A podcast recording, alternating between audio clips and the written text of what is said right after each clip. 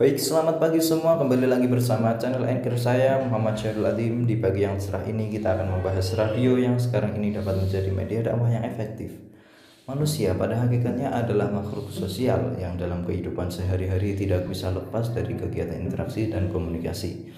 Komunikasi merupakan bagian integral kehidupan manusia apa pun statusnya di masyarakat.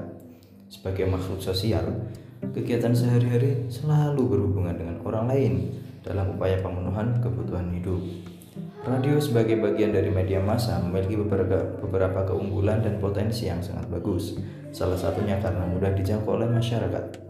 Ciri khas utama dari radio adalah auditif, yakni dikonsumsi telinga atau pendengaran.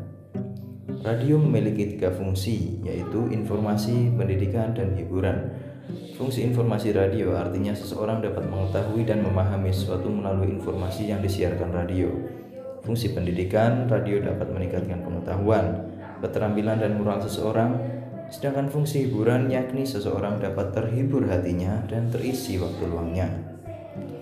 Berdasarkan fungsi radio tersebut, sudah selayaknya, sudah selayaknya oleh umat Islam radio dijadikan sebagai media dakwah, yakni, yakni sebagai media untuk menyampaikan kebenaran ajaran yang ada dalam, Al-Quran dan mengajak manusia mengamalkan ajaran Islam juga menjauhi segala hal yang diperintahkan agar manusia sampai pada tatanan kesempurnaan. Asep Kusnawan menjelaskan tiga faktor efektivitas dakwah melalui radio siaran, yaitu satu, memiliki daya langsung, dua, memiliki daya tembus, dan tiga, memiliki daya tarik. Dakwah melalui siaran radio memiliki daya langsung untuk mencapai sasarannya, yakni pada para pendengar tidak mengalami proses yang kompleks. Setiap materi dakwah tinggal diucapkan di depan corong radio sebanyak yang diinginkan. Pelaksanaannya pun berlangsung dengan mudah dan cepat. Setiap informasi atau berita yang terjadi saat itu pun dapat disiarkan secara stop press atau langsung di tengah-tengah siaran apa saja secara berulang kali.